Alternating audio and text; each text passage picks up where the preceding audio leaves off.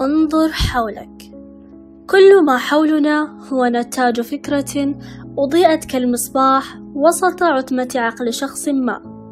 لكن ماذا كان سيحدث إذا قرر هذا الشخص أن يجعل ذلك المصباح يبقى عالقا داخل صندوق رأسه؟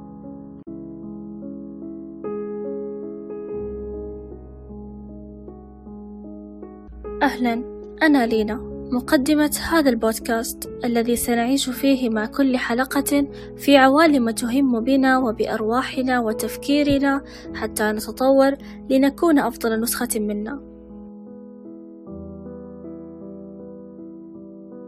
عنوان حلقة اليوم فكرة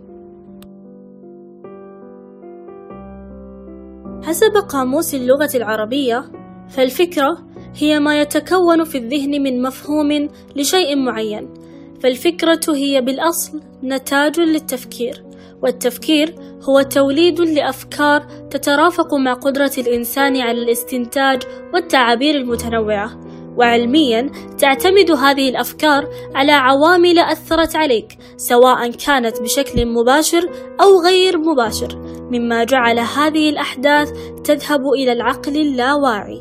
ومن ثم إلى العقل الباطن إلى أن يتم حدوث حدث معين يجعل من عقلك يحرك عجلة التفكير فيخرجها بحلة جديدة تسمى الفكرة.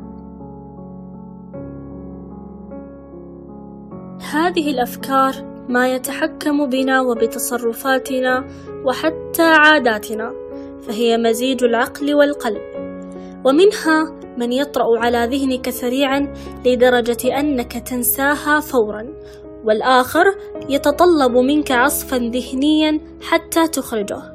هذا يوصلنا إلى تنوع الأفكار وتلونها حسب الموقف. من الغريب وجدا أن لهذه الأفكار قوة وقوتها تؤثر عليك سواء شئت أم أبيت.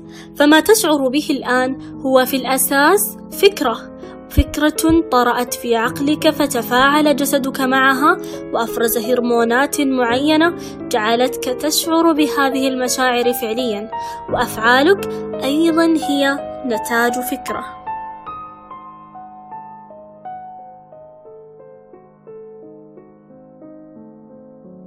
تخيل معي لو أن توماس أديسون لم يهتم بفكرة المصباح أو أنه لم يفكر بمعضلة الظلام حتى كيف سيكون حالنا اليوم؟ صدقني هناك بعض الأفكار بل العديد منها قد دفنت مع أصحابها تحت الثرى وقد كان بيدهم أن يخرجوها للعالم ويحولوها إلى واقع ملموس ولذلك سأعرفك على طريقة تحويل الأفكار إلى واقع فركز معي. ونفس عميق. وهيا لنبدأ. أولا حول الفكرة إلى رغبة. ليست أية رغبة بل رغبة قوية. في يوم من أيام الصيف كان الفيلسوف الإغريقي سقراط مع طلابه فأتاه أحد طلابه وطلب منه أن يعلمه الحكمة. فقال له سقراط قابلني في الشاطئ غدا وحدد المكان والزمان وفعلا أتاه الفتى على الموعد المحدد فطلب منه سقراط أن يدخل البحر معه. فاستغرب الفتى وقال ما شأن البحر في الحكمة؟ فرد سقراط ادخل فحسب. فدخلوا ثم توقفوا عندما وصل الماء حد أكتافهم فأمسك سقراط رأس الفتى وأغرقه وعندما لاحظ أنه على وشك الموت قام بإفلاته. فقال الفتى أمجنون أنت؟ أردت أن أتعلم الحكمة وليس الموت. فرد سقراط قائلا وأنت تحت الماء ما كان الشيء الذي تحتاجه بشدة؟ رد الفتى الهواء؟ فقال سقراط إذا إذا كنت تريد أن تتعلم الحكمة مثل احتياجك للهواء وأنت غارق صدقني ستصبح حكيما. وهذا هو معنى الرغبة القوية. ثانيا الخيال. تخيل مسار خطتك نحو تحقيق هذه الفكرة على أرض الواقع وارسم طريقك بخيالك ثم دونه. ثالثا الاستمرار فكل عمل ناجح احتاج استمرارا لبلوغ النجاح المرجو. ورابعا وأخيرا الصبر. كلما سبق يهدم إذا انعدم الصبر. فالصبر هو مفتاح النجاح ومن قال غير ذلك فهو كاذب محتال.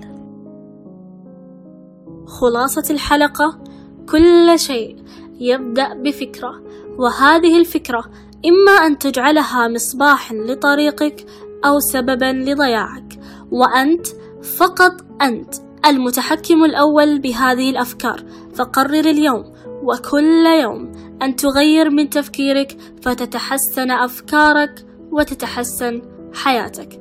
شكرا لاستماعكم. إذا عجبتكم الحلقة ما تنسوا ال like وال share وتقيموا الحلقة و subscribe وزر التنبيهات عشان توصلكم الحلقات أول بأول. ولو عايزين تتعرفوا علي أكتر فحساباتي كلها حتكون موجودة في ال description box.